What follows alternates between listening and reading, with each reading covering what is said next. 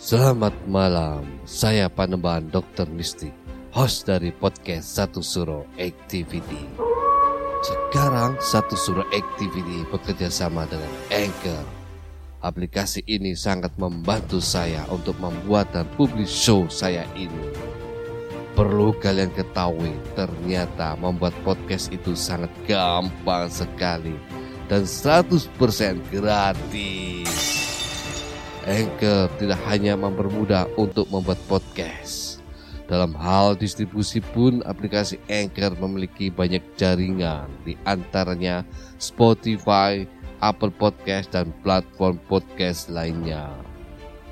Tidak perlu berpikir lama, segera download aplikasi Anchor dan bikin podcast kamu sekarang juga gak pakai lama. Saat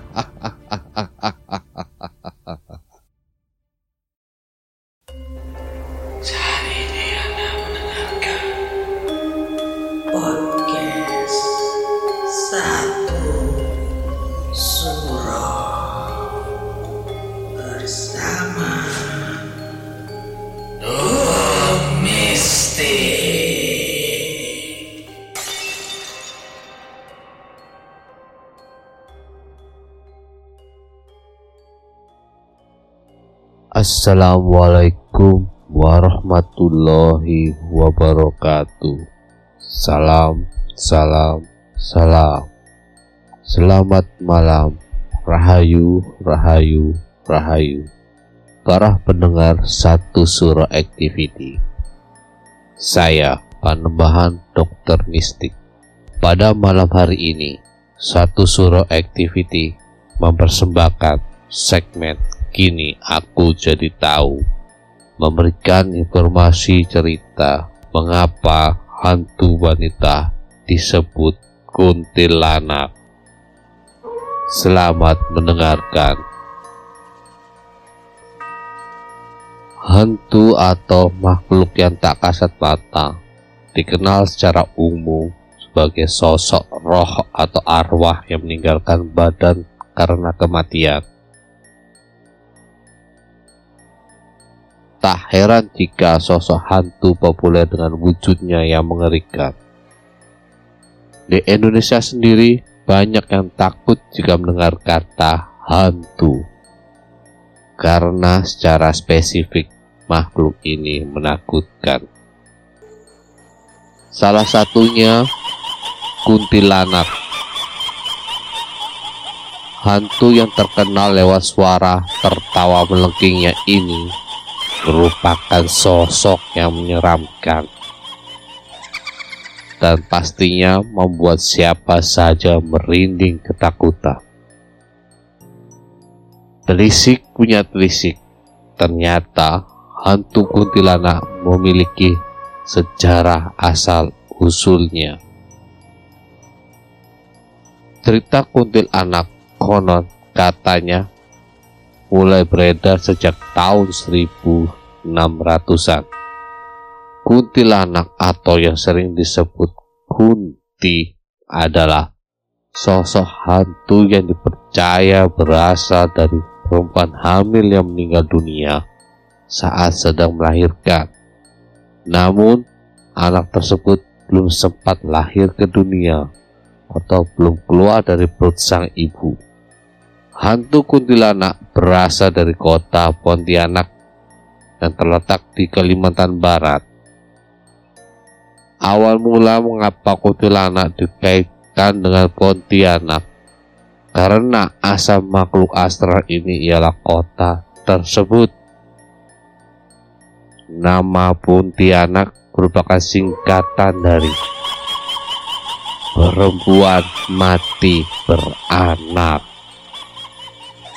Mitos ini dikabarkan mirip dengan mitos hantu Langsuir yang dikenal di Asia Tenggara, terutama di Nusantara. Kuntilanak sejak dahulu juga telah menjadi mitos yang umum di Malaysia setelah dibawa oleh imigran-imigran dari Nusantara. Semenjak kejadian itulah kota Pontianak disebut-sebut selalu berkaitan dengan kuntilanak. karena kisah awal munculnya hantu tersebut dari kota itu. Dalam cerita dan film horor kuntilanak digambarkan sebagai sosok wanita yang wajahnya menyeramkan dengan rambut panjang terurai serta selalu menggunakan dress berwarna putih. Salah satu yang paling kuat berhembus adalah kabar mengenai kehadirannya yang ada di sekitar kita. Konon katanya, banyak yang menyebutkan bahwa sosok ini banyak mendiami tempat-tempat yang tinggi ataupun juga lembab seperti pohon keramat, aliran sungai atau bahkan air kolam renang yang sudah tak terpakai. Banyak pertanda yang menandakan kehadiran sosok ini. Ada yang menyebutkan bahwa kehadirannya ditandai dengan wewangian seperti harum bunga Kamboja, dan juga melati.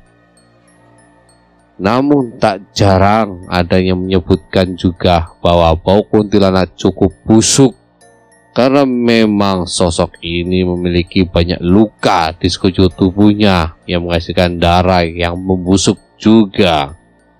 Namun berbeda dengan cerita rakyat Melayu yang menggambarkan sosok kuntil anak dalam bentuk wanita berwajah cantik dengan punggung berlubang. Kuntilanak juga digambarkan senang meneror atau mengganggu penduduk kampung untuk menuntut balas dendam.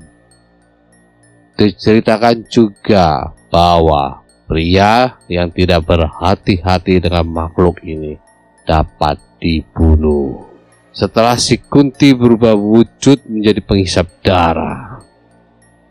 Sosok Kunti sering menjelma sebagai wanita cantik yang berjalan seorang diri di jalan yang sunyi dan sepi.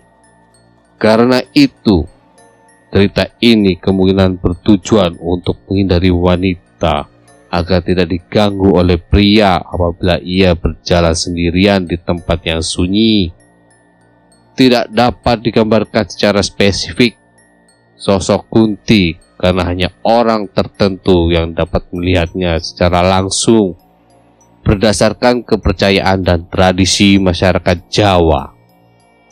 Kuntilanak tidak akan mengganggu wanita hamil bila wanita tersebut selalu membawa paku, pisau, dan gunting bila berpindah ke mana saja. Hal ini menyebabkan seringnya terbiasa meletakkan gunting, jarum, dan pisau di dekat tempat tidur bayi. Menurut kepercayaan masyarakat Melayu, benda tajam seperti paku bisa menangkal serangan kuntil anak. Ketika kuntil anak menyerang, paku ditancapkan di lubang yang ada di belakang leher kuntilanak Sementara dalam kepercayaan masyarakat Indonesia lainnya, lokasi untuk menancapkan paku bisa bergeser ke bagian atas, bagian ubun-ubun kuntilanak. Di dalam kepercayaan agama Samawi, Islam, Nasrani, dan Yahudi, kuntil anak termasuk dari golongan jin kafir atau set setan. Di dalam Islam, kuntil anak termasuk golongan jin dari jenis afaf, jin yang suka mengganggu dan menakut-nakuti manusia, dan arwah jin yang mengaku-ngaku sebagai orang yang sudah tiada. Para pendengar satu suruh activity sering kali sosok jin menjelma sebagai setan wanita dikarenakan sangat mudah untuk menggoda seseorang apalagi pria dengan sosok seorang wanita. Para pendengar satu surah activity pada dasarnya jin adalah makhluk yang dapat menyerupai bentuk apa pun dan siapa pun yang dia kehendaki yang ingin dia goda dan yang ingin ia ganggu para pendengar satu surah activity.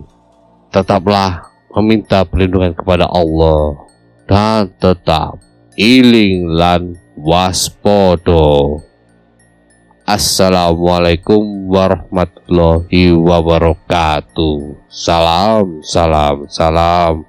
Rahayu, rahayu, rahayu.